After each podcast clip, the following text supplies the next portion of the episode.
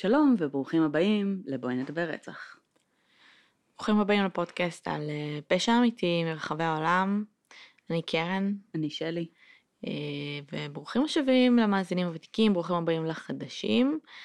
אה, היום זה בעצם ההקלטה הראשונה שלנו אחרי הלייב שעשינו ביום החמישי לפני שבועיים. כן. בתדר בתל אביב, במסגרת של אירוע של פסולת. היה לנו מאוד מאוד כיף. נכון. היה ממש מגניב, כאילו תודה לכל מי שהגיע וכל מי שהיה. התרגשנו מאוד מאוד, בסוף אני חושבת שיצא דווקא ממש מגניב, גם ההקלטה הייתה טובה, שזה מעולה. וואו, תקשיבי, הסאונד, אני לא הספקתי להגיד למישהו, אבל הסאונד יצא כל כך טוב שאפילו כמעט ולא שומעים את הקהל. אז כאילו, זהו, אז... זה אז, ממש הזוי. אז בואי, כאילו, זה לא היה כזה הרבה קהל, יכול להיות לא שזה. חלק מזה. בסדר, אבל לא גם שומעים. כאילו, זה נשמע, לפעמים יש פה את החתול ליד הדלת, הוא עושה רעש, כן. שומעים אותו, והיה שם אנשים, הם דיברו, הם לא, היה צחקו, גם הם משהו עם. המיקרופונים, כי גם דינמיים. ברף, כאילו, of it, כאילו, מהמם. לא שמעו הרבה את הקהל. נכון, כי זה כאילו, חלק, הרבה פעמים אמרתי למישהו, "יואו, יש עכשיו בדיחה וכולם צחקו ולא שמעו, וזה ממש פידח אותי מולו. כי עכשיו הוא לא מאמין לי, הוא חושב שרק לודה צחקה כי הוא שמע רק אותה. אה, לא, חלק מהקטע במיקרופון דינמי זה שבעצם הוא אמור להתמודד יותר טוב עם רעשים חיצוניים מאשר מיקרופונים של סטודיו. כן. אה, זאת אומרת מיקרופונים, לא יודעת איך קוראים לה, לא דינמיים, רגילים. אה, אז זה מה שאני יודעת. שלנו. כן, מה כן. שאנחנו משתמשים. אז, אז הם הרבה יותר רגישים לרעש, ולכן הרבה יותר רעשים קלים שומעים מבחוץ, ושם זה היה ממש, את יודעת, אנחנו בחדר עם מלא רעש, כן. מחוץ לחדר נכון. היה די-ג'אים והיה עניינים ומלא אנשים, ולא שומעים כלום. נכון. זה די מדהים. כן, זה היה ממש טוב. אה, וזהו, ושוב תודה לכל מי שהגיע. לגמרי. אה, אני יודעת שזה היה, גם היינו קצת בלחץ, התחלנו גם באיחור, היה לנו קצת בעיות בהתחלה, כן. אה, אבל אה, אנחנו אכן אה, ניקח את זה, מבחינתנו זה ה test run המצוין. בדיוק, זה ה test run, כן. ואנחנו בהחלט עובדות ונעבוד על לייב. לגמרי. שמכבד את עצמו מבחינת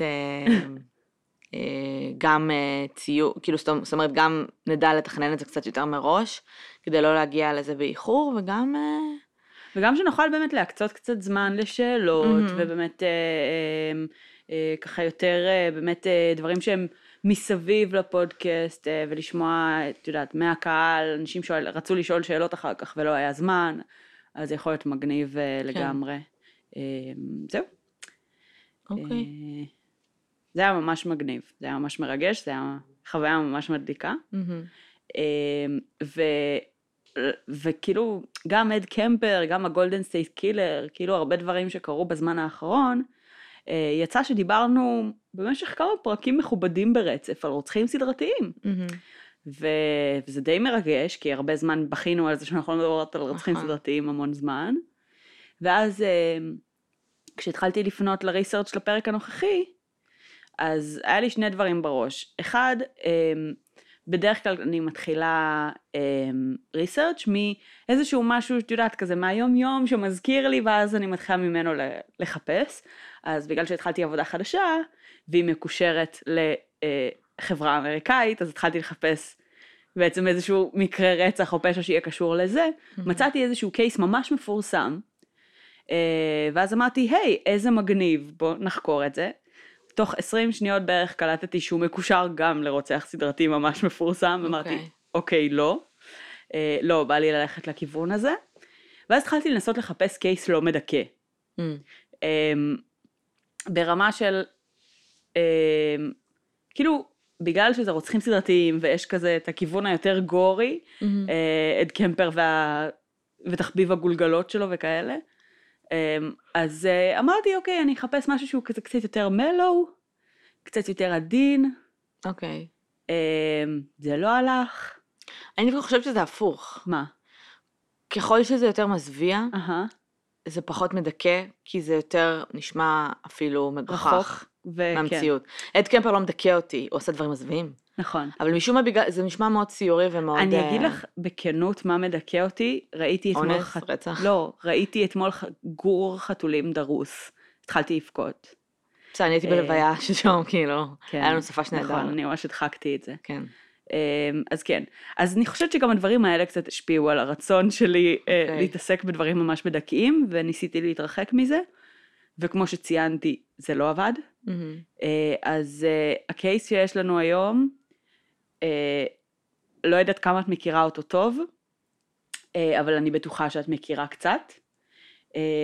הוא של משפחת אושרנקו. אוקיי. מכירה? לא. כלום? יכול, אני לא מכירה את השם, יש מצב שתיכנסי איתי לפרטים, אני אגיד, אה, כן, קראתי אוקיי, על זה. ישראל, כן, כן. דמיאן קרליק, מהמם. לא לא. אומר לך כלום. לא. וואי, ג'יבריש, מעולה, אוקיי. אה, זה מדהים אותי שאני לא יודעת מה קורה במדינה הזאת, אין לי מושג, אחי, יש מצב שמחר איראן, כאילו, אני לא יודעת, אין לי מושג. אחלה. אין לי כאילו, אין לנו טלוויזיה, אני לא רואה חדשות, אני לא כאילו כן, זה, אני- אז הכל משמועות כזה. אוי אחי, לפני השבוע היה איזה בלאגן עם איראן באיזשהו כן, שלב. שמעתי, מי עכשיו אני לא שסיפר לי? ידעתי את זה, בדיוק, לא. אני לא ידעתי את זה. אני קיבלתי הודעה מחברה שעבדה איתי. בעבודה הקודמת, ששאלה כאילו אם הכל בסדר אצלנו שם בצפון. אה, ואני כזה, מה? על מה את מדברת? לא היה לי מושג. כזה, "אה, שמעתי שהיה בלאגן, עניינים, רקטות, אין לי מושג על מה את כן. מדברת. אז כן, אני גם לא ממש מחוברת למציאות. אה, זה לא כל כך טוב, כי באמת תפרוץ מלחמה, יש מצב שאני ואת פשוט נפספס את זה. אין מצב, אנחנו נדע שיש מלחמה ואני מעדיפה שלא יכילו אותי סרטים כל היום בחדשות על כמעט מלחמה, נכון. אז כאילו אני מעדיפה להדחיק את זה עד שבאמת יהיו אבל מלא אחי, טילים. אנחנו כאילו פה, מבחינת, כאילו, אני ואת ושבו ומיש, אנחנו די, כאילו, אין לנו פה עוד משפחה ואיזה מסביב. זאת אומרת, פוטנציאלית, אם באמת יקרה, אם משהו יקרה, הוא. יגיע קודם למשפחה שלנו בכרמיאל. סביר להניח, אז אנחנו נדע את זה. זה נכון. כאילו כשאני הייתי בכרמיאל הבנתי שיש מלחמה, כן. אוקיי? טוב, גם בחיפה הבנתי, אבל זה באמת היה קודם בכרמיאל, אז בזמנו. כן. טוב, אז uh, בעצם מה שקרה uh, בקייס של uh, משפחת אושרנקו, זה שב-17 לאוקטובר 2009, um, ב-7 ו-14 דקות בבוקר מתקבלת שיחה למוקד מכבי אש. מהמם. אה, זו השיחה הראשונה, יש אחר כך עוד כמה שיחות. אה, ואומרים שיוצא עשן בעצם מאחת הדירות אה, ברחוב נורדו 18 בראשון לציון. אוקיי. אה, מגיעים מכבי אש, אה, בוחנים מאיפה לפרוץ את הדירה, מחליטים לפרוץ מהמרפסת שהם רואים כאילו בעצם שיש איזשהו פתח קטן שממנו יוצא העשן. פותחים, פורצים את הדלת של המרפסת, פתאום יש כאילו המון עשן, אה, שהיה כלוא בתוך הבית עד לאותו רגע. אה, השכנים שדיווחו למוקד, אה, בשיחות טלפון גם אומרים שיש שישה דיירים שגרים בבית הזה, אה, ושהם לא ראו אותם יוצאים ממנו. אה, אז יש חשש בעצם שששת האנשים האלה כלואים בתוך הדירה, אה, ומכבי אש אה, בעצם, הכבאי הראשון שנכנס, הדבר הראשון שהוא עושה אחרי שהוא פורץ את הדלת, את, ה, את המרפסת, זה ללכת לכיוון של הדלת, והוא מסתכל אם יש מפתחות בדלת. מהמם. כשהוא רואה שאין מפתחות בדלת, ההנחה היא שבעצם הבית ריק מדיירים, כי אף אחד לא נעל את הדלת מבפנים. ואז בעצם הוא מודיע למוקד שכאילו אין חשש לחיי האנשים בשלב הזה, הם לא רואים אנשים. for the הבית מפו- כשאנחנו הולכים לישון, אתם מוצאים? אנחנו מוציאים בגלל שכבר קרה שמיש בבוקר קם ונעל אותי ולקח את המפתח אבל שלי הרבה בטעות. פעמים אנשים מוציאים חצי, הם לא מוציאים אה, עד אני הסוף. תמיד נועלת ומכניסה לתיק שלי את המפתח. באמת? כן. אוקיי. אמ, אני חושבת שלנו יש מנעול כזה קבוע בדלת, אז... אה, כן. אז לא, אז בוא, אז מספיק שאני עושה את זה, בסדר, מספיק כן. שמשפחה אחת בארץ שעושה את זה, נכון. זה לא אינדיקציה לזה שאנחנו זה לא בבית. אינדיקציה, אבל זאת אומרת בשלב הזה הוא אומר שהוא, שהוא לא רואה חשש, אוקיי. הוא לא רואה, עכשיו הבית מלא בעשן, הוא לא רואה כמעט כלום. אמ, הוא עושה כמה צעדים והוא מחליק ונופל. ואז הוא מוצא גופה. אחלה. אמ, ואז הוא מודיע בעצם שיש נפגעים, אמ, ופורצים את הדלת של הבית, ומתחילים בעצם לשכור את הדירה. אה, קודם כל בעצם אה, אה, מוציאים את הילדים, אבל בעצם מתגלה שכל ששת דיירי הבית כולם מתים. וואו. ואז בעצם... כולם כולם, כאילו. כן. עכשיו, הזירה נראית יותר כמו פיגוע מאשר כמו שריפה, כי יש בעצם הרבה מוקדים שונים של שריפה. אה, יש המון דם. אה, ממה? אוקיי. אה, בסדר, אז האבא רצח את כולם ואז ניסה לכסות על זה ו... ויש, בעצם המצב נראה מאוד מאוד דרמטי. אוקיי. אה, ברמה שאגב, אה, הכבאים וכל מי שהיה בדירה הזו בערך יום למחרת כבר. היה בטיפול פסיכולוגי. ממש, ברמה ש... ראיתי איזה ראיון עם הכבאי הראשון הזה שנכנס, והוא ממש לא התאושש מזה. אמ, אז אה, הם בעצם מוצאים שלוש דורות, בגדול. זה סבא, וואלה. סבתא, אוקיי. אבא, אימא, אה, ושני ילדים. אה, ילדה בת שלוש ותינוק בן שלושה חודשים. כן. אוקיי, זוכרת שאמרתי שחיפשתי case לא מזוויע? כן, זה לא הלך. אוקיי. בהתחלה בעצם יש צו איסור פרסום על ה case. אמ, על המשטרה אין fucking מושג מה קרה שם. הם כן בוחנים כיוון של רצח התאבדות. אמ, אבל הם גם בוחנים אופציה של מישהו מבחוץ. בשלב הראשוני ראשוני אין להם מושג. מישהו מבחוץ שפשוט נעל את הדלת, כאילו מבחוץ, שזה גם אופציה. כן. אמ, רגע, באיזה שעה זה היה ביום? שבע וארבע עשרה דקות בבוקר השיחה הראשונה נכנסה. רגע, והסבים גרו שם? כן, כל ששת ה... בני המשפחה גרו באותו הבית. אוקיי. עכשיו, אמ, בעצם משפחת אה, אושרנקו הם, אה, הם בעלים של מספר אה, הם, עסקים ומסעדות, גם בראשון לציון וגם בערים מבחוץ, כל מיני כאלה מועדוני רוסים ומסעדות רוסים. אוקיי. את מכירה שהיינו הולכים נגיד כזה למסעדה של כן. איזה אירוע של מישהו מהמשפחה או משהו כזה, אז כאילו היה להם כל מיני עסקים כאלה. אה, היו כנראה כאילו עסקים לגיטימיים לחלוטין, מאוד מצליחים ב, ב, אה, באזורים שלהם.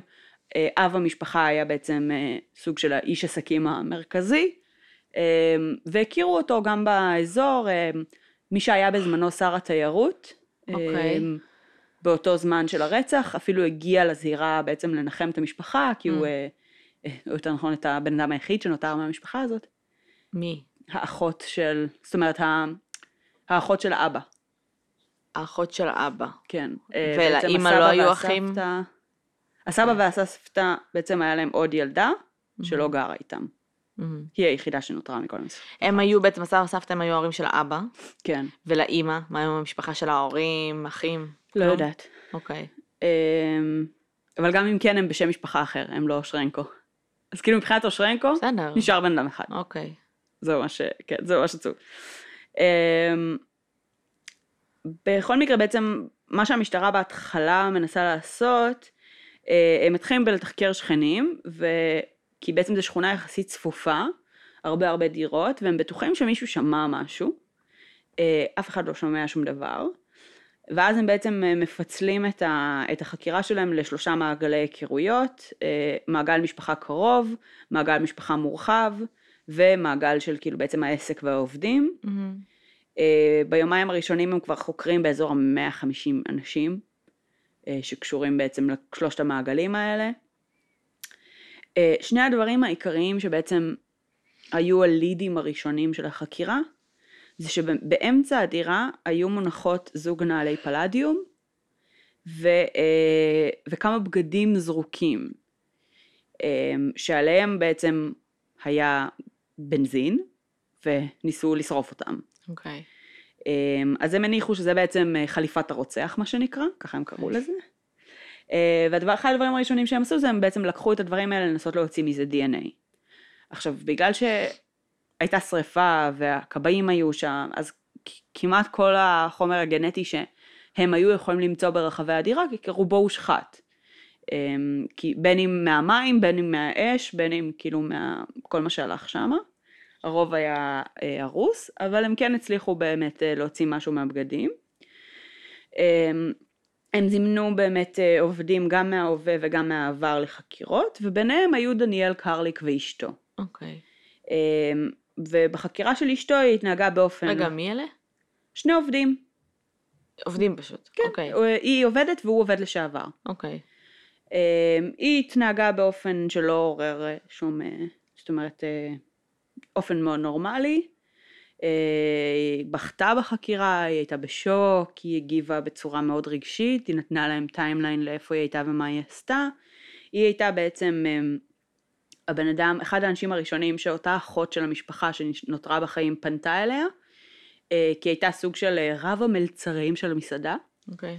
אמ, והיא ביקשה ממנה עזרה בלבטל את האירועים הקרובים. אז היא אחת הראשונות שהתקשרו אליה ואמרו לה בואי כאילו תגיעי תעזרי לנו כאילו לבטל אירועים, היא שאלה מה קרה, אמרו לה אל תשאלי שאלות ו... ואז בעצם כבר אה, היא הייתה מאוד קרובה לזירה כבר בהתחלה וכבר בהתחלה ראיינו אותה. Mm-hmm. עכשיו אה, דמיאן קרליק הוא בעצם מי שביצע ככל הנראה את הרצח, בעלה, אה, והוא עובד לשעבר. עכשיו את שואלת למה ומה קרה שם?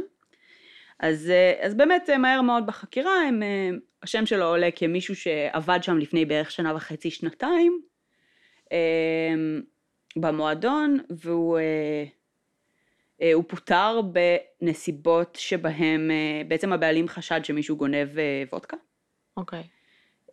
והוא הציב מצלמות, ואחרי שבעצם הוא תיעד אותו במצלמות גונב, אז הוא לא פשוט פיטר אותו, אלא הוא כינס ישיבה. אה, אוקיי. הוא הקרין בישיבה את הסרטון מול כל העובדים. רגע, מי זה היה בעצם? מי זה היה מה? שעשה את זה. דמיאן קרליק. אוקיי. דמיאן קרליק בעצם גנב אלכוהול מהמקום לא, שבו מי הוא כאילו, עבד. מי, זה הבעל היה הבעלים כאילו שעשה אז זהו, את זה? לא לגמרי הצלחתי להבין אם זה האבא או הסבא אוקיי, זה- שביצע זאת את הייתה ה... שאלה. כן, לא לגמרי הצלחתי להבין, כי בחלק מהמקומות כתוב את זה וחלק את זה. אוקיי. אבל בעצם אחד מהם הוא הקרין את זה לפני כולם. הקרין את זה בפני כל הצוות, ואז השפיל אותו למוות. השפיל אותו, כמובן שפיטר אותו בצורה פומבית גם, לא הגיש שום דבר כאילו פלילי נגדו. לא הגיש שום. דבר פלילי נגדו, רק באמת אה, השפיל אותו. אמ, ואז בעצם בעקבות אותה השפלה, אה, דמיאן קרליק אה, סוג של מנסה להחזיר לו, והוא מנסה לסחוט אותו, והוא מאיים עליו ש... אמ, כנראה שהם עיגלו פינות, את יודעת, כמו רוב המסעדות, כי מהמם. בקטע של כאילו מס הכנסה, אוקיי. זה לא מתואר בשום מקום שהם את זה? פעלו בצורה לא פלילית, אבל דמיאן קרליק היה בעצמו סוג של רב מלצרים, זאת אומרת הוא כן היה בעמדה יחסית בכירה במסעדה, אה, והוא איים עליו שהוא ילשין עליו למס הכנסה או משהו כזה, והוא ניסה אוקיי. לסחוט אותו שייתן לו איזה שהם סכומי כסף. אה, אותו אה, אה, אב המסעדה אה, היה אב העסק, לא יודעת איך אה, לקרוא לזה, כי זה או אדוארד או דימיטרי, אחד משניהם. בעצם, א', הוא לא היה פראייר, והוא ממש לא ייתן לאיזה פושטק לסחוט אותו, אוקיי. וב', כפי שכבר הבנו, הוא ממש אוהב מצלמות. אוקיי. אז מה שהוא עשה זה בעצם הוא הצליח לצלם את קרליק בוגד באשתו, ולסחוט אותו בחזרה. וואו. אה, מה זה הצליח לצלם? הוא שכר כאילו בלש? אה, או שהוא שכר מישהו, או שהוא היה לו, לא יודעת, או שהוא בגד באשתו בתוך המסעדה וכבר היה לו את הצילומים האלה, אני לא יודעת. טוב. אבל הוא בעצם סחט אותו בחזרה, שאם הוא לא יעזוב אותו בשקט, הוא יראה לאשתו שהוא בוגד בו. בא. אמ, ואז אה, במקום מסוים הוא סוג של משפיל אותו עוד פעם, כן. אה, וזה לא כל כך היה נחמד לקרליק. ו, ונוצר שם איזשהו סכסוך, אה, סוג של רב שנים, אה, שזה כאילו לאורך תקופה, הרבה הרבה מרמור אה, בין אה, דמיאן ל, אה, למשפחה, ו, אה, וזה כנראה גם באמת מה שהוביל למצב הזה. אחרי הרצח, אה, דמיאן בורח לאילת. אה, בורח. נוסע ב- בבוקר, לא, זה כאילו, זה לא שאתה בורח למקסיקו, אתה באילת, אחי, כאילו. הוא נוסע בבוקר של אותו הרצח לאילת, ואז בעצם נטליה אשתו אה, משכנעת אותו לחזור בשביל הלוויה.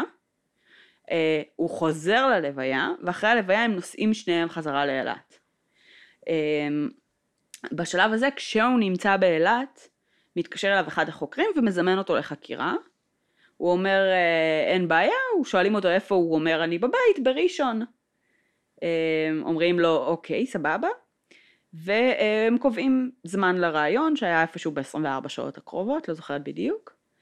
אה, הם, אני לא יודעת אם הם בעצם בודקים את זה בזמן אמת או שהם בודקים את זה קצת ברטרוספקציה, אבל הם מבינים שהוא באילת, לפי האיכון הסלולרי שלו. הוא לא מתכנן לחזור? אה, לא. אוקיי. והם מבינים שהוא משקר להם, והם בעצם מזהים את הרכב שלו באילת, שולחים לשם חוקרים שפורצים אליו לרכב, ומנסים לאסוף דגימות DNA. הפלא ופלא, יש התאמה. אה, ואז בעצם בקרבה של הבית מלון שבו הם היו, אה, ניגשים אליו צמד בלשים, לבושים בבגדי בדואים, למה? אה, כדי שהוא לא יחשוד בהם, אה, למה בדואים? לא יודעת, למה פשוט לא casual כאילו? אני לא יודעת. אה, אבל בשורה התחתונה הם מתנפלים עליו ומכניסים אותו בעצם למשאית שבה הם נהגו אה, ועוצרים אותו. בחפצים שלו הם מוצאים כרטיסי טיסה לרוסיה, אה, שהוא בעצם תכנן לחצות את הגבול למצרים ולטוס משם לרוסיה אה, ולברוח. אה, אחרי בעצם שהתחילו לחקור אותם, אז אה, נטליה אחרי אה, כמה שעות הייתה הראשונה להודות. אה, היא ידעה? היא בעצם ידעה שהוא תכנן לבצע שוד, אה, והיא זו שהשיגה לו את המפתח. וואלה. היא גנבה את זה מהתיק של האחות שנשארה בחיים. אה, והמטרה הייתה לגנוב בעצם את הפדיון של אותו הערב, כי בעצם אה, אנשים היו משלמים מקדמה, זה היה סכומי מזומן יחסית גבוהים. אמ, ו... והיא זו שעדכנה את בעלה, כשבעצם אדוארד, הסבא של המשפחה, אה, היה אמור לעזוב את המועדון עם המזומן, אז בעצם היא הייתה אמורה לעדכן אותו שהוא בדרך הביתה כדי שהוא יוכל ללכת ולפרוץ ולגנוב. אמ, בבוקר, כשהוא חזר הביתה, הוא אמר לה שהוא הרג אותם, את כולם, אמ, והיא עזרה לו בעצם לנקות, ו... זאת אומרת להתנקות ולהיפטר מראיות. איך הוא הרג אותם? תכף נגיע לזה. אוקיי. אמ, בגדול דקירה היה המוטיב המרכזי. הוא תכנן, הוא באמת תכנן לעשות רק שוד? it went wrong או זה משהו? נראה שלא. אוקיי. אמ, אבל זה לא לגמרי ברור. אמ, בעצם כשהוא הגיע לדירה, אז רק הסבתא והילדים היו שם. וזה גרם לרד הרינג מאוד גדול בחקירה, כי בעצם הסבתא נדקרה פעם אחת בבטן, ולא ראו את זה בהתחלה, אה, והילדים נדקרו הרבה מאוד פעמים. Oh אז God. חשבו שהסבתא כן. עשתה מרדר סויסייד. Jesus. כי גם בעצם מבחינת מה שקרה בס- ב- ב- באירוע, היא הייתה הראשונה למות, ואחרי שהוא הרג אותה, הוא עוד לא לגמרי, זאת אומרת, היה ב- במצב הזה של אני הורג את כולם, כן. אמ, והוא לקח אותה והשכיב אותה במיטה וכיסה אותה. אז מבחינת הסצנה, כשהגיעו כן. הביתה, היא הייתה הבן אדם הנור... זאת אומרת, היחיד שהיה מוצב בצורה יחסית נורמטיבית. כאילו, אז אולי זה היה קצת יותר אימפולסיבי, ואז כן. כזה ניסה מהוסס, לא ידע מה לעשות, ואז הוא אוקיי, I'm gonna kill them all, כאילו. כן, ככה זה נראה ב- בהמשך. דמיאן קרליק עצמו, תכף נדבר על מה קרה שם בפועל בזירה, אבל בגדול הוא נולד כדימיטרי קורלו. אוקיי. אמ, בשלב מסוים, בתחילת שנות האלפיים, הוא נחקר בנוגע לאיזשהו שוד ברוסיה. אה, ושחררו אותו זמנית כזה הביתה בין אה, חקירות. אז הוא ברח לארץ. טיק טק הוא עלה לישראל, כן. מה הוא תכנן לחזור לרוסיה אז? בטח יש אני לנו לא את הצו. יודעת, אבל יכול להיות שאת יודעת, שוד זה פחות חמור מרצח? אני לא יודעת. כן, אבל אתה אף פעם, אוקיי, הקטע הזה של לטוס לאנשהו אחרי. רצח, אני לא מבינה את הקטע הזה של כאילו, אחרי הרצח אני פשוט אזמין לי טיסה של אה, עוד שלושה ימים לרוסיה. עושים את זה לפני. אז זה נראה שהוא כן הזמין את של הכרטיסים הרצח. שלו לרוסיה. כאילו, רצחת, משם אתה נוסע לשדה תעופה, אחי. לא ילדת עכשיו יום יומיים שיהיה זמן להזמין אותך חקירות, אני לא דבר מבינה ראשון, את זה. אני חושבת שאת יודעת, שאנשים עושים רצח זה צורה, זה די אימפול- אימפולסיבי, אז זה בדרך כלל לא כזה מתוכנן. רצח, אה, אבל לא, אם זה גם אם- רצח, אה, מה? תיאורטית אם הוא לא תכנן את זה, זה לא רצח, זה הריגה. לא? אה, חצי. כאילו, כי אתה יכול לא לתכנן את זה, אבל זה עדיין יהיה עם כוונה. טוב. כוונה להרוג, ואז זה לא הריגה. כי הריגה זה אוקיי, אז אם בשוגג. אתם מתכננים רצח וזה כאילו, אתם יודעים שאתם יכולים לרצוח, אז להזמין את זה, כאילו, באמת, מהזירה לשדה תעופה, כאילו, לא צריך יום יומיים כן. באילת להתארגן על דברים. אה, השורה התחתונה היא זה שבעצם כשהוא עולה לארץ זה ב-2004, הוא עולה עם אשתו והילדה שלהם, אה, אז הוא משנה את השם שלו לדמיאן לקי, אה, ואחר כך הוא משנה את השם שלו פעם נוספת לדמיאן קרליק. אוקיי.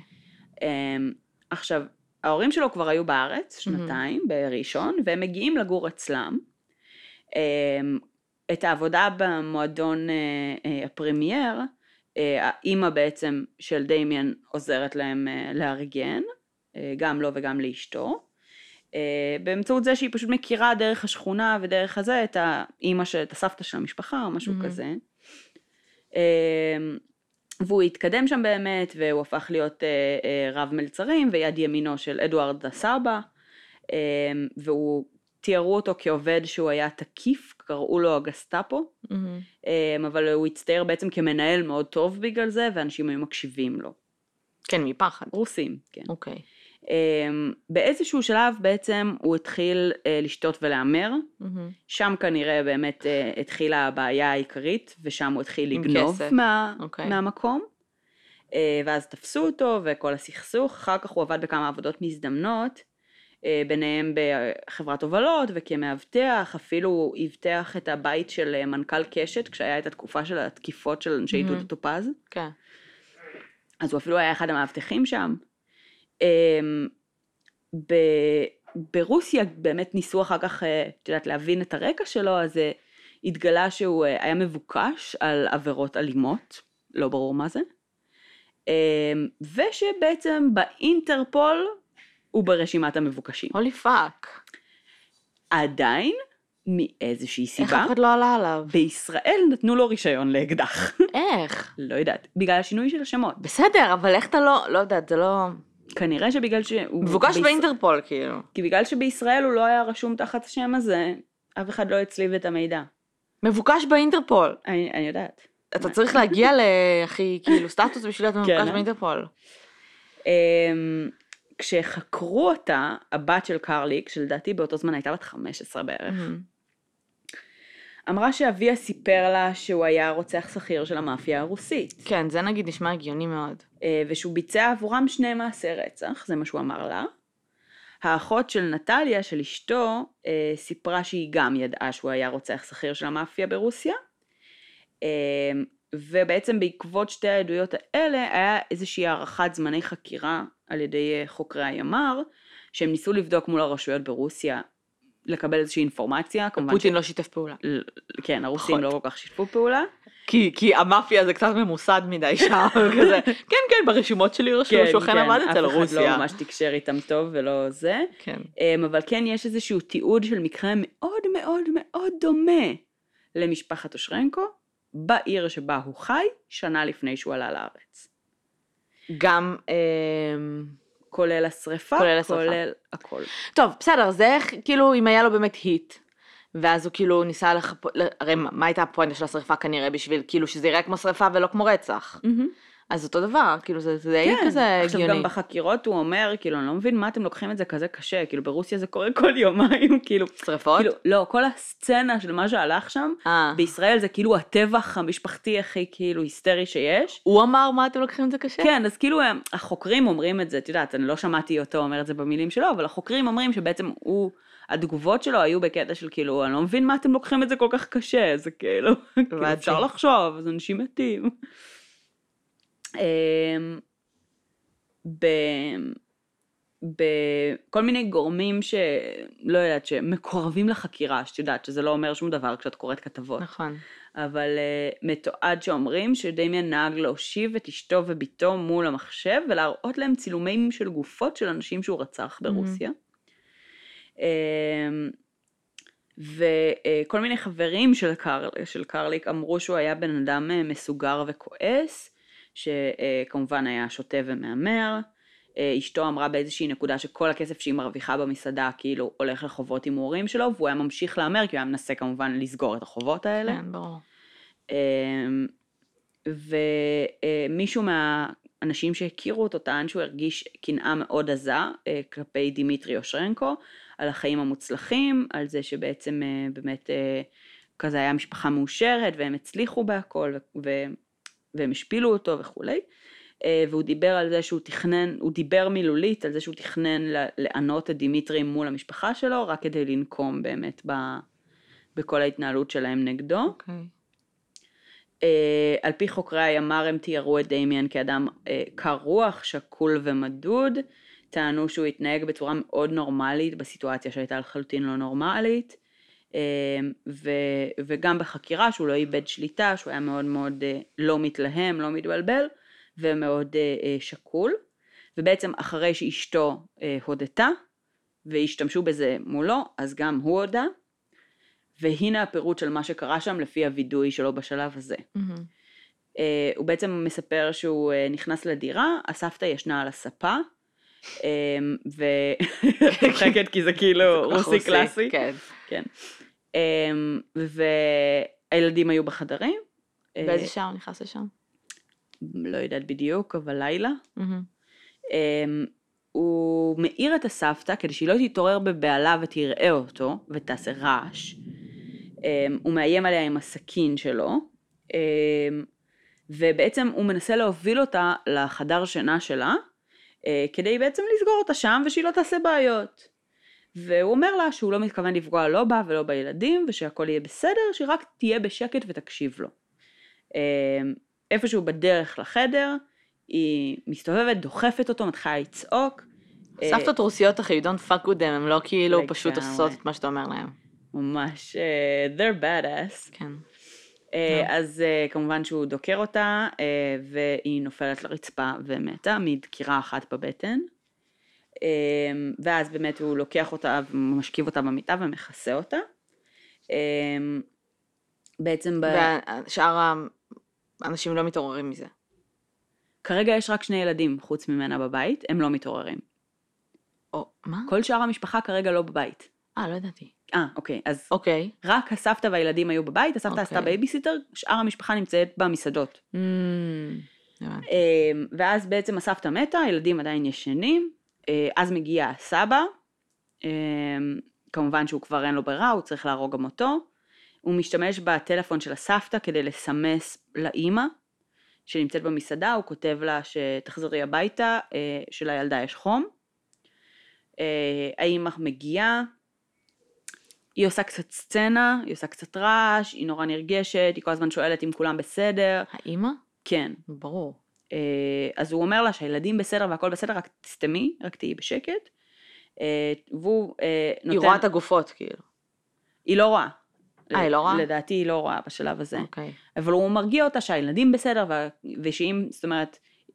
אם היא רק תסתום. כן, אז אוקיי. הכל יהיה בסדר. כמובן שהיא עושה רעש, הוא הורג אותה. לפני שהוא הורג אותה, הוא מבקש ממנה לסמס לאבא.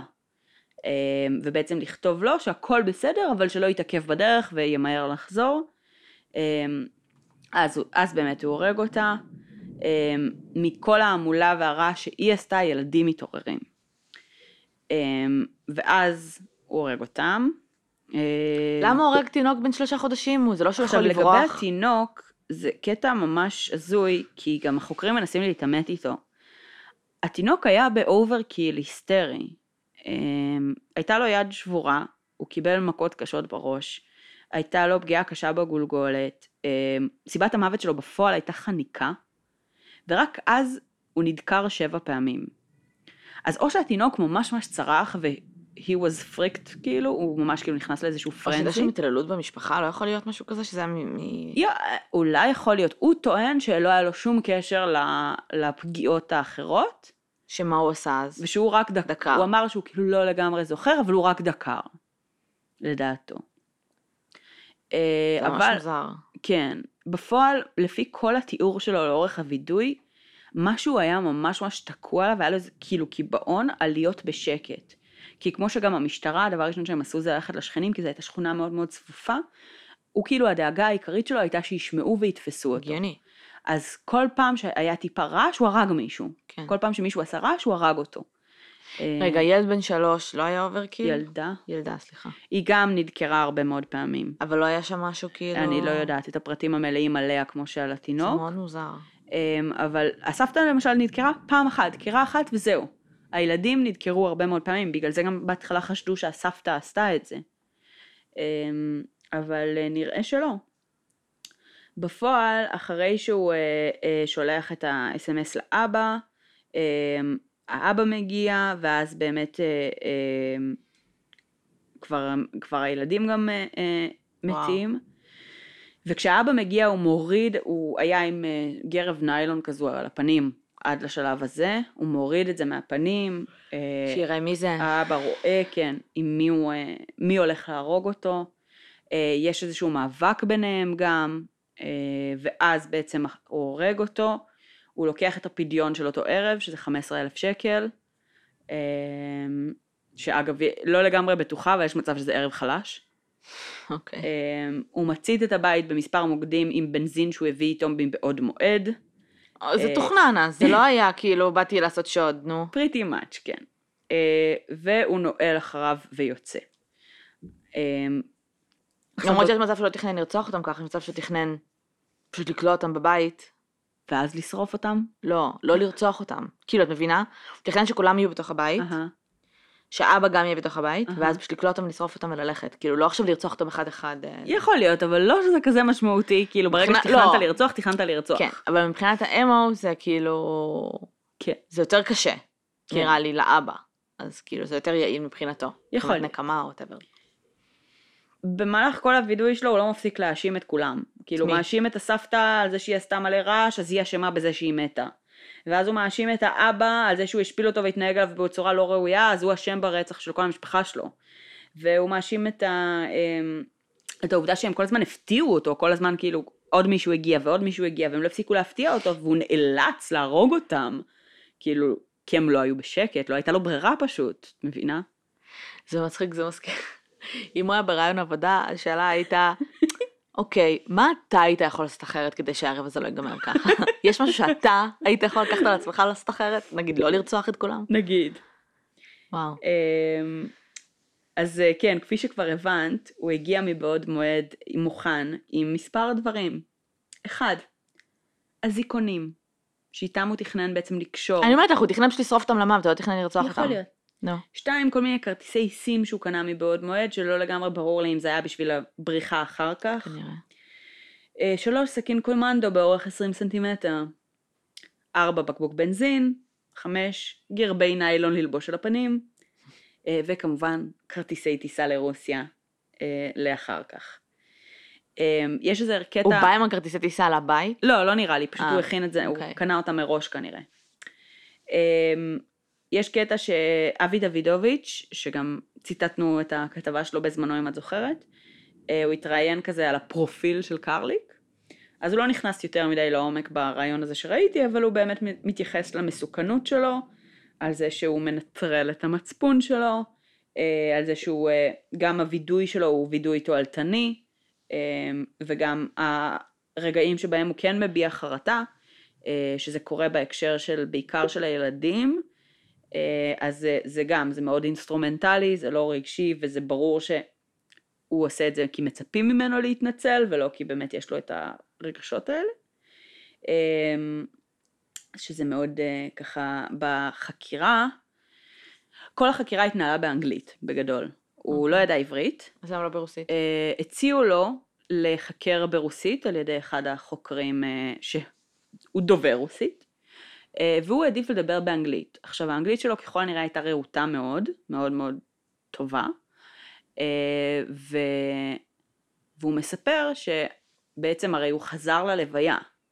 אז הוא אומר שכשהוא היה בלוויה והוא ראה את ארונות הקבורה היותר קטנים, אז שזה קצת כאילו היה לו קשה עם זה והוא פתאום אה, אה, כזה הרגיש רע עם מה שהוא עשה, ובזמן החקירה שהוא אה, מספר את זה, הוא, החוקר אומר שירדה לו דמעה אחת, אה, והוא שואל אותו, אז למה עשית את זה? אז הוא אומר לו משהו בנוסח של כזה ממין motherfucker, או משהו כזה. אה, כן, זה כאילו אה, מתוך די הרד או משהו. כן. מבחינת המשפט, אה, נטליה הודתה שהיא אה, עזרה לו להתנקות, להיפטר מראיות, היא נסעה איתו לאילת בעצם, והמטרה שלהם הייתה לברוח למצרים ואז לרוסיה. אה, וכשהיא בעצם אה, אה, עשתה עסקת טיעון, היא קיבלה 13 שנה בכלא. אה, היא טוענת בעצם שהיא לא באמת האמינה שהוא מסוגל לעשות את זה, וכשאת, זאת אומרת שזה תוכנן, באמת היה דיבור על שוד בלבד, והם היו במצב כלכלי מאוד מאוד גרוע, ועם החובות הימורים שלו וכול, וכולי. אמ, שכשהוא חזר בבוקר והוא אמר לה שהוא הרג את כולם, הוא פקד עליה, תעשי ככה וככה וככה וככה, והוא לא באמת הרגישה שיש לה ברירה. כן. אמ, ושהיא לא ישנה בלילות, אמ, ושהיא די קיוותה שהוא יהרוג גם אותה, אמ, והיא לא הצליחה להבין איך הוא ישן כמו תינוק. במשפט שלו, אה, באיזשהו שלב דמיאן המציא גרסה חדשה, Mm. הוא חזר בו מהווידוי שלו, מהמם. הוא אמר שמי שביצע את הרצח היה מישהו בשם ולאד. ושדמיאן בעצם היה שם, הוא נכח שם, אבל הוא היה מהמם. כפות.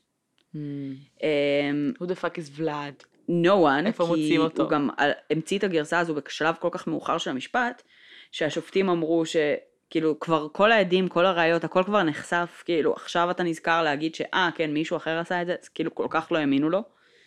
אמ, הוא קיבל שישה מאסרי עולם, Mm.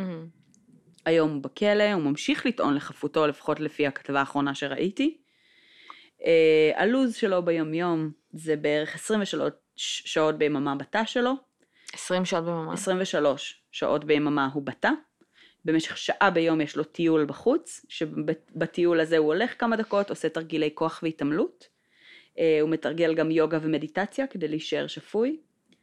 אוכל בריא. אה, מה הוא מה אתה מבש- אוכל בריא בכלא? הוא מבשל לעצמו, איך? יש לו פלטה בתא, ויש לו קומקום ומקרר קטן, והוא קונה בקנטינה מצרכים. מאיפה הוא מקבל כסף? מכסף? כאילו, א', אסירים כן מקבלים איזושהי... ממש מעט אחי, לא- לא ברמה של לקלקל את עצמו עכשיו אני מבחינת חושבת אוכל. שהמשפחה מעבירה לו כסף. הבן אדם בחובות הימורים, כאילו מאיפה? אני חושבת שהמשפחה מעבירה לו קצת כסף לקנטינה, אני לא יודעת. יש לו לאוכל אחות. לא, זה לא. לא, זה לא. אה, חכי, מה? הוא צופה בטלוויזיה ורדיו שיש לו בתוך התא. איך? במהלך היום, וקורא הרבה ספרים. אה, הוא אוהב מאוד תוכניות אקטואליה ופוליטיקה, וצופה בחדשות ובתוכניות פשע ותחקירים. הוא לא אוהב תוכניות ריאליטי. למקרה וזה נראה לך מאוד מאוד קריטי. והדבר האחרון שעלה בעקבות הקייס הזה, שמעניין בעיניי לדבר עליו, אה, זה שבעקבות המעצר שלו, הרי דמיאן קרליק לא היה יהודי. מהמם. אבל הוא עלה לישראל במסגרת חוק השבות בגלל שלסבא שלו או משהו, זאת אומרת איזשהו מישהו שם. מישהו שם מאחורה היה בן אדם יהודי אחד במשפחה. אה, וזה אפשר בעצם להם לעלות, לכל המשפחה שלו לעלות לארץ. אה, ואז בעצם קם אה, בעקבות הקייס הזה איזושהי אה, אה, קול מחאה מהמם. שאמר אה, א', מה אנחנו נותנים לאנשים לא יהודיים בעליל לעלות לארץ על סמך רקע יהודי קלוש, וב', למה אנחנו לא בודקים רקע פלילי כשאנחנו לא, נותנים זה- למישהו זה- לעלות זה אני לישראל? מסכימה. הקטע אז- של היהדות, ביץ' פליז. אבל אז- הקטע של ה... אז כן. הקטע הגאוני הוא ש... זאת אומרת, מהצד של אה, ארגון נתיב, שהוא כן. מעורב בתהליכים האלה, הם אומרים, גם אם היינו מבקשים תעודות יושר מרוסיה, הן לא שוות כלום. כי אתה התעודות קונה יושר אותם שם- פשוט. אתה קונה, בדיוק. זה אחד. וש... ושתיים, בכיר בארגון נתיב אמר, לפי הציטוט שאני קראתי, יהודי לא היה מבצע רצח כזה, לרוסים יש פחות ערך לחיי אדם. אני חושבת שהבן אדם הזה לא- צריך שיפטרו אותו. אני אני חושבת שהוא לא מבין את ההבדל בין כאילו לאום לדת. יש מלא רוסים שהם יהודים, אבל... אמת. אבל אם הוא היה רוסי יהודי, הוא לא היה מבצע רצח כזה. מבינה? בסדר. כן. אמ, אוקיי. אה, טוב, הוא נשמע כמו באמת מישהו שכאילו דאון הקרוס. כן. כאילו גם מבחינת ההתנהלות ההתנהלות שלו זה נשמע כאילו מאוד מאוד מונע מאגו. Mm, מאוד. מאוד כאילו בן אדם של כבוד ושל מישהו חלילה משפיל אותי. מצד שני, יש בו משהו מאוד אימפולסיבי שהוא מאוד ילדותי, כאילו הקטע של ההימורים, הקטע של החוסר כן. ביקורת, הקטע של החוסר שהוא גם, כאילו, מצד אחד אתה ביג מן, ביג שוט, מצד שני אתה כאילו נופל במרכאות למזימה המפגרת, שאתה באמת מאמין שאתה יכול כאילו להמר את עצמך החוצה מהחרא הזה. בסדר, זה- זה התמכרות, יודעת, כאילו... נכון, אבל הבן אדם שהוא הכי כאילו מרגיש לך כאילו מנסה להיות בשליטה, והכי נכון. כאילו ראש ארגון אה, פשע, כי זה כנראה אף החלום אחד לא שלו. אמר שהוא ראש ארגון פשע. לא, אבל ככה הוא רואה את עצמו נראה לי, ככה הוא תופס את עצמו. כן. אה, פתאום גם להגיע לארץ אחרי שהוא כאילו אולי יותר big deal ברוסיה, מהמם. אולי יותר רכשו לו כבוד, ופה מישהו משפיל אותו. כן. כי אני חושבת שזה מעבר לזה שהוא הראה את הסרטון, זה גם הוציא החוצה את, ה... בטח. את הצורך, הוא לא גנב כי הוא רצה, הוא. כאילו, הוא גנב כאילו כי הוא הגיע למצב שבו ההתמכרות שלו ניצחה אותו. כן. ניצחה אותו. אני חושבת שגם, זאת אומרת, מתארים אותו מבחינת העובדים האחרים כמישהו שהיה מגיע לעבודה סופר מתוקתק, מהמם. בחליפה, חפתים, עניינים. רוסי, וזה. רוסי. לק שקוף, לק כאילו שקוף. סופר מתוקתק, כן, כאילו, את יודעת, טיפ טופ. אמ, ו, ובאמת המקום הזה שבו כאילו מישהו נחשף לחולשה ועוד כל כך נמוכה שלו, כן. אמ, היא באמת משהו שהוא לא יכל להתמודד איתו בכלל. אמ, זה, זה מאוד הפתיע אותי אה, העובדה ש... זאת אומרת שאשתו, היא, היא נשמעת ונראית כמו באמת בן אדם נורמלי. אה, אה, אוקיי. היא לא נשמעת כמו פסיכופתית, היא אה, לא טוב. נשמעת כאילו הייתה, אה, זאת אומרת, מודעת באמת לתכנונים המאוד מאוד אה, אלימים שלו. היא גם, יש ציטוט ש, שמראיינים אותה והיא מספרת על אותו הבוקר שהוא הגיע, אה, והוא הגיע עם חתכים על הידיים, ו, אה, וכולו מלא בדם, והיא שואלת אותו מה קרה, אה, והוא אומר לה, זהו, אין אותם. כאילו, פיניטו לקומדיה. והתגובה שלה היא משהו בנוסח של כאילו, איך זה הגיע למצב הזה ולמה, כאילו, סוג של כאילו, למה בסוף אתה תמיד נהיה אלים, כן. כזה. עכשיו, למה בסוף אתה תמיד רוצח אנשים? עכשיו זה לא נשמע כאילו היא מודעת לזה שהוא אי פעם רצח מישהו, אבל זה כן נשמע כאילו יש לו את הנטייה האלימה. הזו, כן, והיא פשוט לא מצליחה להבין את זה, היא לא מצליחה להבין גם את ה... זאת אומרת, היא לא האמינה בכלל שהוא יכול להגיע למצב שהוא באמת הורג מישהו, כי היא באמת מאוד אהבה אותו והייתה מאוד נאמנה אליו. כן, אתה רוצה להגיד לי שהוא סיפר לבת שלו שהוא היה רוצח שכיר ברוסיה ואשתו לא ידעה מזה. שוב, אני לא יודעת, היא הייתה ילדה בת 15, אני לא יודעת בדיוק מה הוא כן סיפר לה ומה לא, אה, אבל יכול להיות ש... את יודעת שזה היה כאילו... לא יודעת, שזה פנטזיה שלו פשוט. אני לא יודעת, יכול להיות שזה היה פנטזיה, יכול להיות שזה באמת היה, כן? יכול להיות שאשתו גם הייתה מודעת לזה, אבל היא הייתה מודעת לזה במסגרת של נסיבות, את מבינה? של כאילו החיים שהוא היה בהם, או איזשהו משהו ש... כאילו שהיא לא חשבה שמתוך זעם וכעס ונקמה, אה, הוא יגיע למצב הזה. נראה לי שזה... זה תפיסה כאילו מאוד קרה ומרוחקת רגשית, אבל אני חושבת שכשאתה נמצא ברוסיה ואתה תחת בעצם ההתנהלות של מאפיה, אז לדעת להתמודד איתה זה יתרון. אבל כשאתה נמצא כבר בישראל ואתה לא צריך לפנות לאמצעים אלימים, אז, אז אז היא לא מבינה למה הוא עושה את זה, מבינה? כי זה כן דחה, תראי, אני כן חושבת, ש... גם העובדה שהוא היה נגיד בוגד בה, אני כן חושבת שהמערכת יחסים שלהם הייתה ב... בלשון המעטה לא שוויונית. כן, אני חושבת שיש לו בעיות שליטה רציניות, כמו, אני כן חושבת שהוא תכנן להרוג אותם, הוא תכנן באמת לעשות את זה כתאונה, כן. אה, ואז אם, אם זה באמת היה, הם באמת היו מתים כאילו.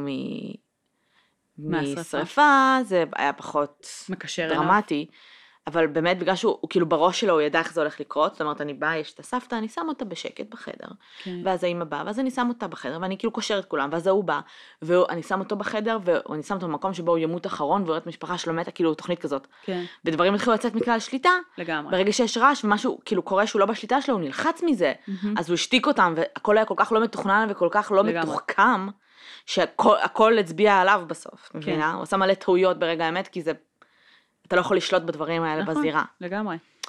אמ, כן, נשמע כמו טיפוס, כן. בסדר, אני מניחה שגם בכלא עכשיו הוא מרגיש ש... בסדר, הוא סבבה לו. הוא סבבה לו, כן. בטח.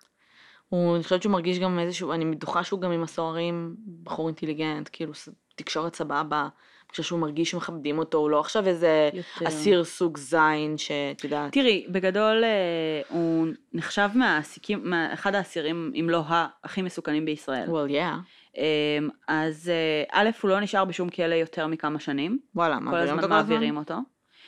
וגם, כל העברה כזו זה ברמת אבטחה היסטרית, כדי שהוא לא ירגיש יותר מדי בנוח בשום מקום, וכדי שהוא לא ילמד, אה, מאוד פוחדים שהוא ינסה לברוח או להתאבד, כי אין לו שום דבר להפסיד.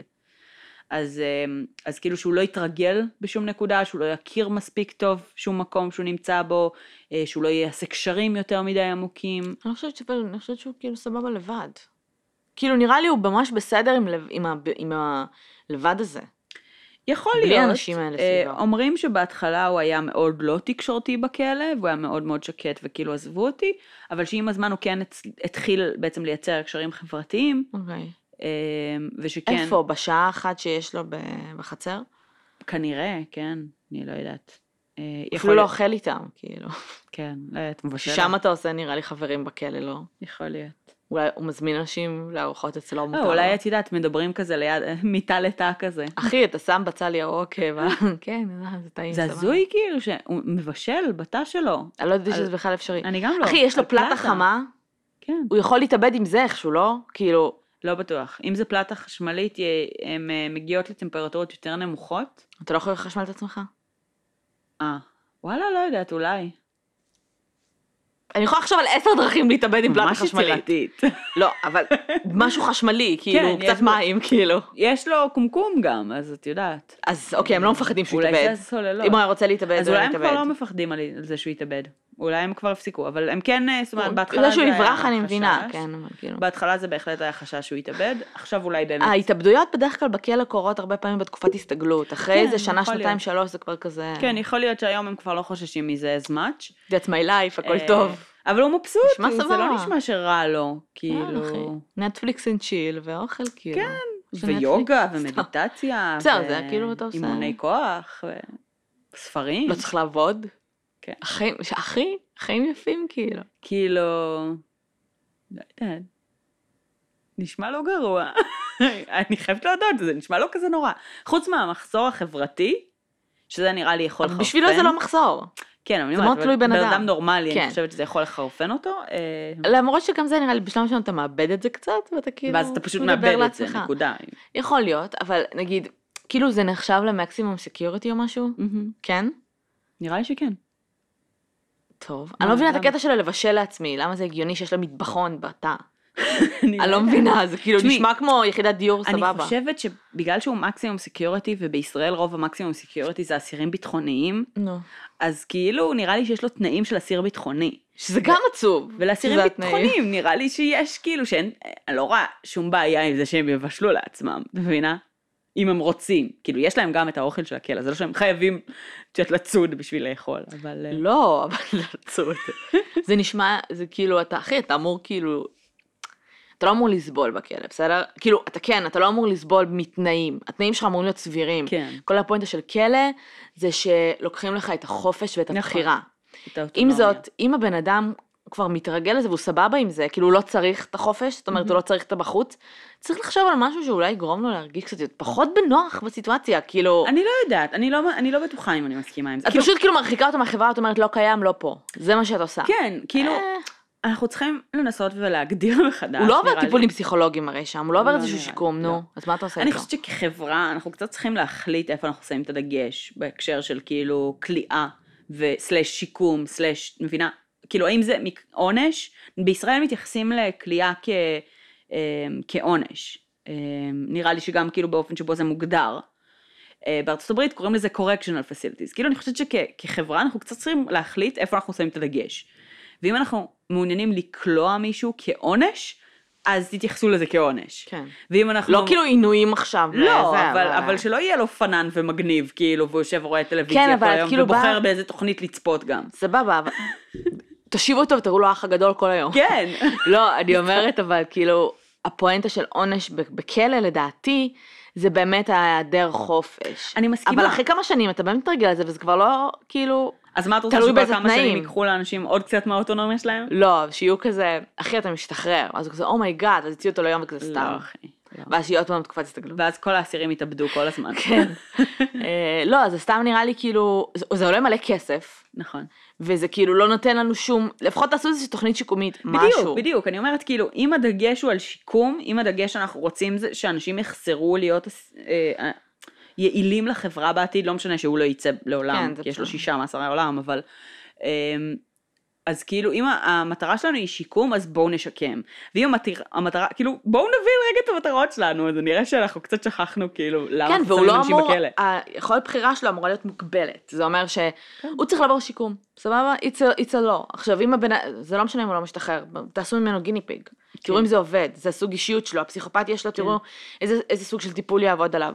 אם הוא מסרב, fucking תיקחו לו את המיקרוגל, לא יודעת, כאילו, לא אמורה להיות לו בחירה כזאת. הוא במקום, במקום אני שהוא עשה מניחה משהו, שאם הוא היה הוא חייב לעשות אה, זה. בעייתי, אני מניחה שאם הוא היה עושה בעיות, אז היו לוקחים לו את הדברים האלה. אבל בגלל שהוא משתף פעולה והוא לא עושה בעיות בשום צורה, אז הוא מקבל את האוטונומיות הקטנות האלה. לא, אין בעיה. אבל יש הבדל בין לא עושה בעיות לבין לא עושה שום צעד בשביל להשתקם ולקחת אחריות על המעשים שלו. משמע, אתם צריכים לשקם אותו. חלק מהשיקום זה לקחת אחריות. כן. הרבה אסירים יגידו לא, אני לא רוצה, כי הרבה מהם לא פסיכופטים וקל להם עם ההדחקה, בסדר? ברגע שאני פותח ואני פתאום מבין מה אני עושה, זה מאוד קשה רגשית. כן. אז כן, אתה אמור לעבור קושי רגשי, אחי, כי עשית משהו, אתה אמור לקחת עליו 100% אחריות, ו... את יודעת, כאילו, כן. להשתקם משמע to face your demons. לגמרי. זה מה שאמור להיות בק- קשה בכלא. לא כאילו... אני מסכימה איתך לגמרי. fuck, אני... פשוט, זה... זה פשוט מרגיש כאילו, אנחנו נורא רוצים להיות חברה הומנית, אה, ואני בעד, אני חושבת שכאילו מתקני כליאה לא צריכים להיות עינוי, אני חושבת שלהיות 23 שעות ביממה בבידוד, זה כאילו, כן, זה נוראי. במחשבה שלי כבן אדם שכן יש לו צרכים חברתיים, זה עינוי היסטרי. אה, אני, אני, אני חושבת שזה ממש ממש קשוח, אבל אנחנו צריכים באמת לבוא ולשים את הדגש או על שיקום, או על ענישה. אני לא חושבת שענישה זה הפתרון באופן אישי, אבל אם כמדינה זה מה שהם בוחרים, כן. שהחוק והכיוון, אז שזה יהיה עונש לפחות. כן, אז לפחות כאילו, אז לפחות תעשו את מה שאתם מכוונים. אתם מעבירים מסרים כאילו... סותרים. כן. כן, אני לא מבינה את זה. טוב. אמ, והכי חשוב זה אל תהיו רוסים. כאילו זה המסר הסופי שלנו, כי לרוסים אין ערך לחיי אדם, מסתבר. אבל, ואם אתה רוסי ויהודי, מהמם. מה זה אומר? אה, אני לא יודעת, אה, בואי, אה, את יודעת. את יודעת שגם מי שהגיע לארץ, כל המשפחה שלו, בגלל חוק ה-whatever, מהמם. דרך סבא שלו, ותיאורטית הם לא יהודים. כאילו מיש ופיליפ עשו את הקורס נתיב נכון, הזה הם- והתגיירו, הם התגיירו. אבל כאילו הם לא, הם לא יהודים. מהמם. אה, וכן, כאילו ב- בשש שנים שאנחנו ביחד, הרגשתי ממש את הבוז שלו לחיי אדם. אני מחכה, אני מחכה בריכוז רב, ואני מסתכלת ומנסה להבין את הפואנטה של לאן את חותרת. זה בהחלט הוכח מדעית החרא הזה. כן, ברור. בסדר, מה בדיוק. אומר לך? כל מה שאני יכולה להגיד לך מהמשפחה שלנו שאני יודעת, זה שלרוסים יהודים יש בוז לגויים. והם לא מתביישים לקרוא להם גויים בפנים, או שזה רק סבתא כן, שלי. לא, זה נכון. אבל כן. אבל בסדר, אבל אחי, את כאילו גם, את, את מעורבבת, את חצי גויה בעצמך. לפי היהדות אני יהודייה, לפי הנצרות ולפי אני הנצרות את. נוצריה, כן. אז כאילו, whatever. Whatever. אבל אה, כן, לרוסים יהודים יש קטע כן. של כאילו, הוא לא, זה גוי. קטע דפוק, כן. גם המילה הזאת, גוי. אני חושבת שגם בפעם הראשונה שסבתא שלך אה, פגשה את שבו, כן, משהו nigger. כן, היא אמרה שהוא nigger. בסדר, זה- זה השאלה, סבתא שלי בת 90, זה נכון. וכשהיא פגשה את שבו, גיל. מעל גיל 80 אחי אין לך פילטרים, it's זה like נכון. being a child, זה כאילו, מתה להגיע לגיל הזה, אפס politically correct, just say whatever. גם תשמעי, בתקופתה היה מותר להגיד את זה. בואי. כאילו... אני לא חושבת שהיא הייתה בתקופה של עבדות, אבל... לא אה, עבדות, אבל מבחינת, יודעת, מבחינת כאילו politically correctness, אה, כן, היא גם לא הייתה בארצות הברית, אף פעם, נכון? לא שידוע לי. אז יפה. אז זה לא שהיא כאילו היו לה עבדים או משהו, היא פשוט הכירה לא, את לא המונח. היו לה עבדים. יפה. למען הסר ספק, לא היו לה עבדים. הכירה את המונח, והיא כאילו לא ראתה שיש איזושהי בעיה של כאילו התנסחות. לא חושבת. שהיא בכלל מבינה את הקשר בין זה לבין עבדות. כאילו. כנראה שלא. בסדר. אבל גם שבו לא... גם שבו- nigger. לא, הוא לא הוא פשוט כאילו המרוקאי. לא, לא, מה הוא תימני? לא אחי. מה הוא? הוא פולני רומני. אז הוא שחום משום הוא מה. אשכנזי רצח. אז הוא שחום משום מה קצת. כן, הוא קצת שחום. קצת היה בשמש. אז הוא בסדר, היום ניגר. הוא כבר לא כזה שחום. הוא לא יצא לשמש כבר כמה לא שנים. משנה. אז אה, לרוסים אין אה, כבוד לחיי אדם, לרוסים יהודים אין כבוד לחיי גויים. אה, וזהו, אל תרצחו אנשים, מה אני אגיד לכם? כאילו, ואם כן, do it so much smarter. כרטיס כן. טיסה לישר, באמת, מפה, מהרצח לשדה. אחי, בואי נפסיק עם הטיפים לרוצחים. לא, כי זה טיפשי. ואל תברחו. לאילת, זה fucking מדינת ישראל, זה חצי כן, שעה ניסו טיסה. לברוח ל- למצרים. אה, הם ניסו, כאילו הם באיזושהי נקודה כזה עצרו אותם בגבול או משהו כזה, כן? היה שם איזשהו. ממש ניסיון להגיע למצרים. ואני חושבת. שכן צריך להיות database, שאם מישהו מגיע למדינה שלך והוא מבוקש באינטרפול, כן. שזה כאילו יעשה איזה אזעקה, משהו. זה, אמ- שוב, זה, אם, אם זה היה על אינטרפול אמור להיות, האמיתי- כאילו... זה אמור היה לקרות, כן. זה היה אמור להגיע אליהם. אני לא יודעת למה נתנו לו רישיון לנשק בזמן ברור. שהאינטרפול כאילו... לא. ברור. אה, אבל זה כנראה בגלל השינוי של השמות, שהוא כאילו הצליח איכשהו להתחמק מה, מההקשר. הבנתי. אבל לא ברור. מקסים. אה, כן, אז אה, ניסיתי לעשות case לא מזעזע, ואיכשהו הגעתי לרצח. אה, נוראי של אה, תינוק, תינוק וילדה בת שלוש, לא פיצחנו את ה overkill שחגגה הזה. יום הולדת שלוש באותה יממה. ממש מקסים. אוקיי. כן, לא מדכא בכלל. מגניב, אז שיהיה לכם סופש נעים ולא מדכא. ולא מדכא. ואנחנו נשתמע בשבוע הבא. ספרו לנו עוד קצת על אם מישהו היה בלייב, איך היה לייב, מי ששמע את הלייב, איך נשמע הלייב, והאם הייתם באים ללייב נוסף, שהוא מהמם. לייב, שהוא נטו לייב שלנו. אה, נטו אירוע שלנו. אה, וזהו, ושיהיה לכם אה, סופש נעים. תודה שהאזנתם. תודה. לכל מי שבא לו ועדיין לא עשה את זה, אתם מוזמנים להצטרף לקבוצה שלנו, בואי נדבר רצח ופשע אמיתי בפייסבוק, ולעשות לייק לעמוד שלנו, בואי נדבר רצח הפודקאסט, לרגע שכחתי איך קוראים לעמוד. אה, ודברו איתנו, ספרו לנו אה, מה חשבתם על הפרק ועל אה, דמיאן קרליק באופן כללי. אה, אה, ולגבי הפרק של ה Golden State, כן. ספרו לנו מה הלהיב אתכם. כאילו, כולכם ממש התלהבתם מהפרק, אני מנסה להבין מה זה בפרק הקייס, הזה. אחי, זה הקייס. בסדר, אבל יש לנו קייסים, כאילו מה? לא יודעת. אה, מה, מה? כי אני ראיתי שמישהי כתבה ש... או מישהו, אני לא זוכרת, סליחה, שאיזה יופי שזה עוד פעם פרק שבו נכנסים ממש לפרטים של מה שהרוצח עשה, אהה, ומשם יש לנו את הכאילו קצת האנליזה הניתוח, פחות כזה דיונים סוציולוגיים. אוקיי. אז מה, מה אהבתם בפרק, מה חסר לכם? אני כן מרגישה שאנחנו קצת חוזרות למקורות בזמן האחרון. אה, וגם זה משמח גם אותי, אבל כן חשוב לי רגע להבין כאילו בפרק הספציפי הזה, מה אהבתם. כן, תנסו רגע לחשוב עם אנשים עצמכם. ממש, זאת אומרת, התגובות היו ממש אוהדות כן. אנחנו לא הבנו כאילו מה אה, קרה. עכשיו, עכשיו זה אחלה, סבבה של פרק, כן. זה לא שאנחנו חושבות שהוא לא טוב, אבל אה, פשוט באמת, לא אה, ציפינו לזה. כן, כי מבחינת החוויות האישיות שלנו, לנו יש פייבוריטים אחרים, מהמם. ו...